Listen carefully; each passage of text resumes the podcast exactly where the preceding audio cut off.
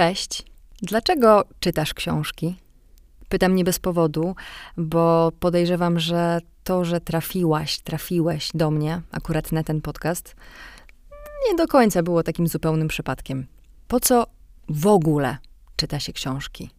No, jedni uważają, że książki mocno poszerzają wyobraźnię, inni mówią, że czytanie książek ubogaca i poszerza słownictwo.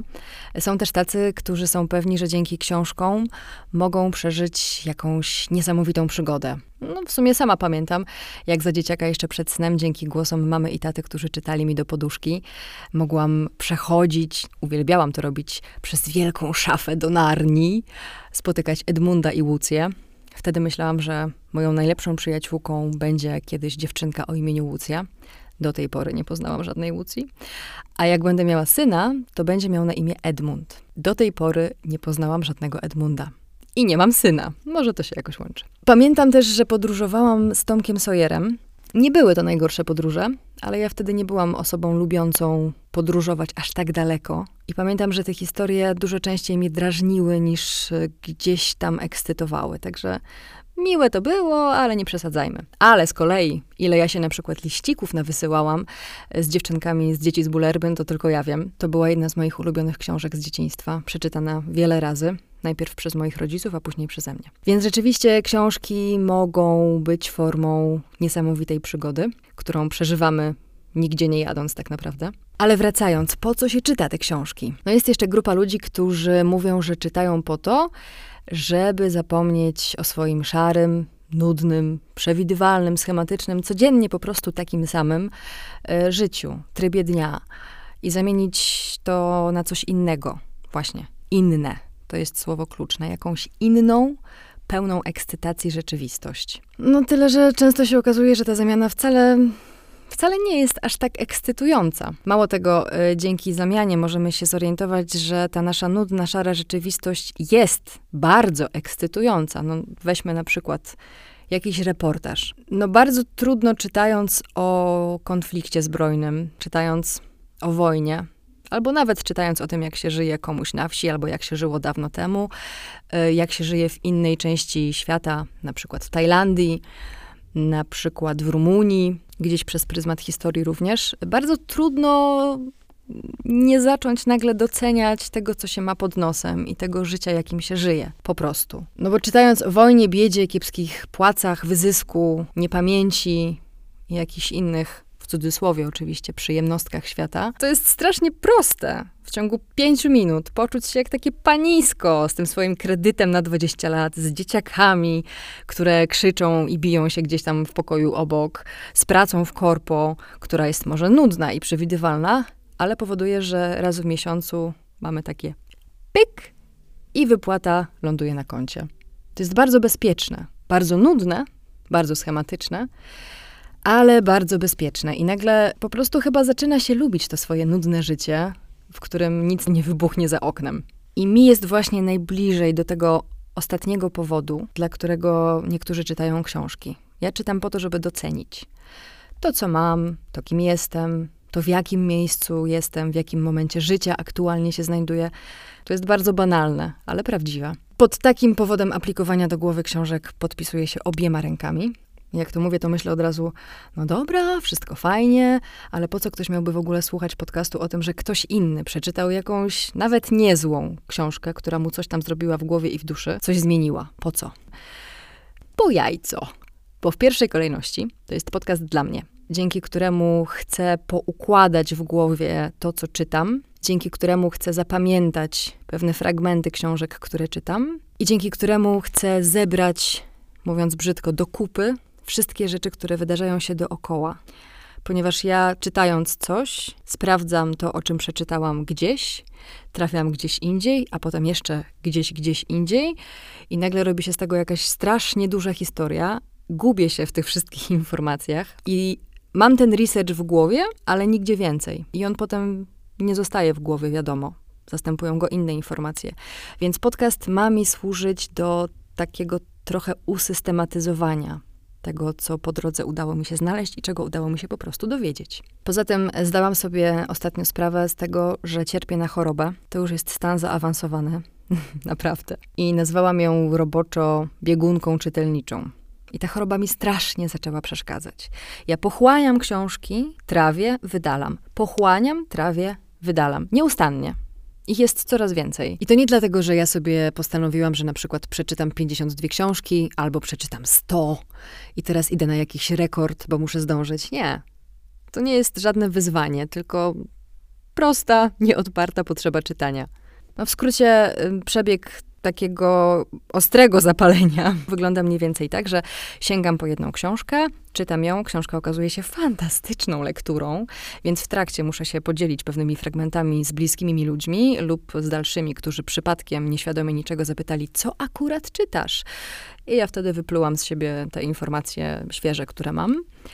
Potem czytam dalej tą książkę. Może po przeczytaniu dzielę się informacjami z kimś jeszcze i sięgam po kolejną książkę która zupełnym przypadkiem okazuje się również fantastyczną książką. I ja również w trakcie przeżywam, płaczę, wzruszam się, śmieję się, dzielę się informacjami, zamykam książkę i sięgam po kolejną.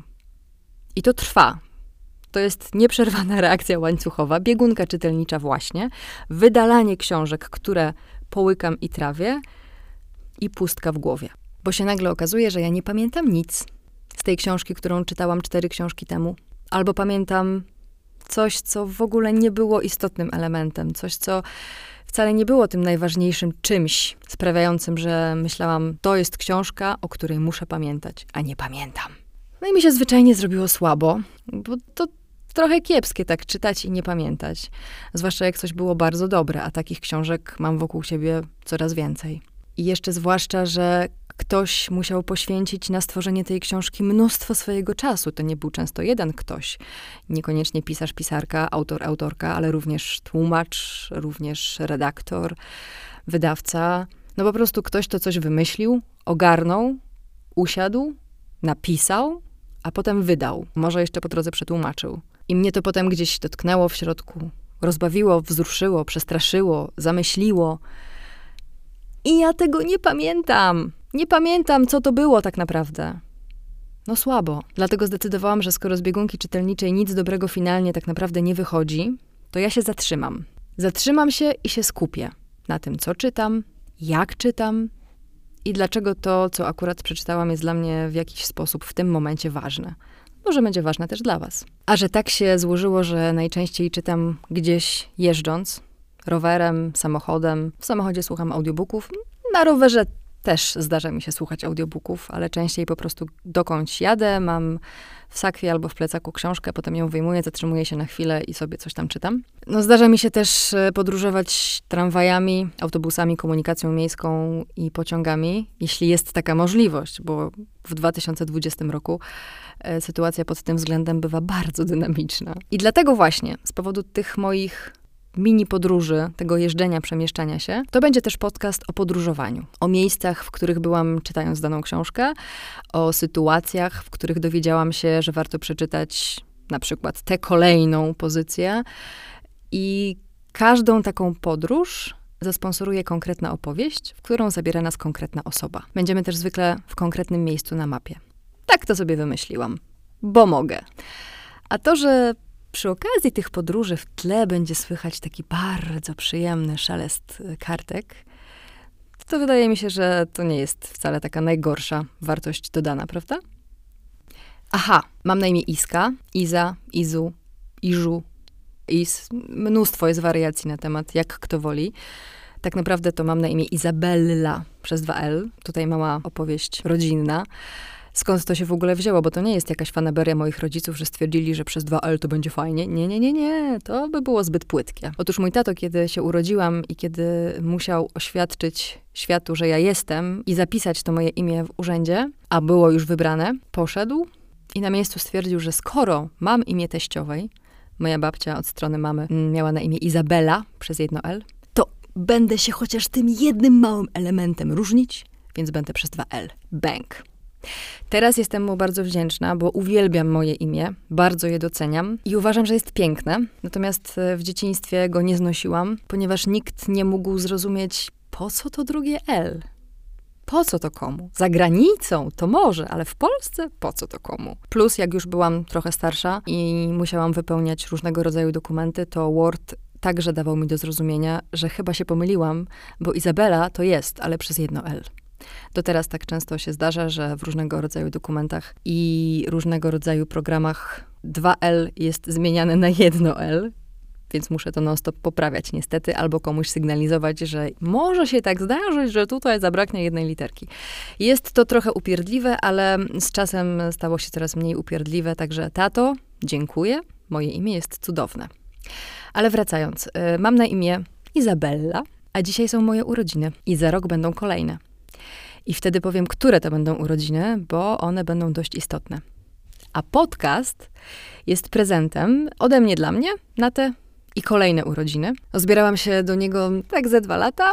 Kupiłam mikrofon, taki poważny. Już sobie wszystko prawie ustawiałam i za każdym razem rezygnowałam, bo jest dużo podcastów, ja nie wiem o czym mówić, nie mam czasu, nie wiem od czego zacząć. A tak naprawdę to ja się po prostu bałam zacząć. Bałam się tego nowego, tego zaczynania od początku. Nadal się trochę boję, ale stwierdziłam, że spróbuję. A przy okazji poćwiczę dykcję, artykulację, opowiadanie historii i to, co najfajniejsze, czyli mogę się trochę pobawić montażem. Robienie nowych rzeczy jest super. Pomyślałam sobie, że to będzie taki nie najgorszy most metaforyczny.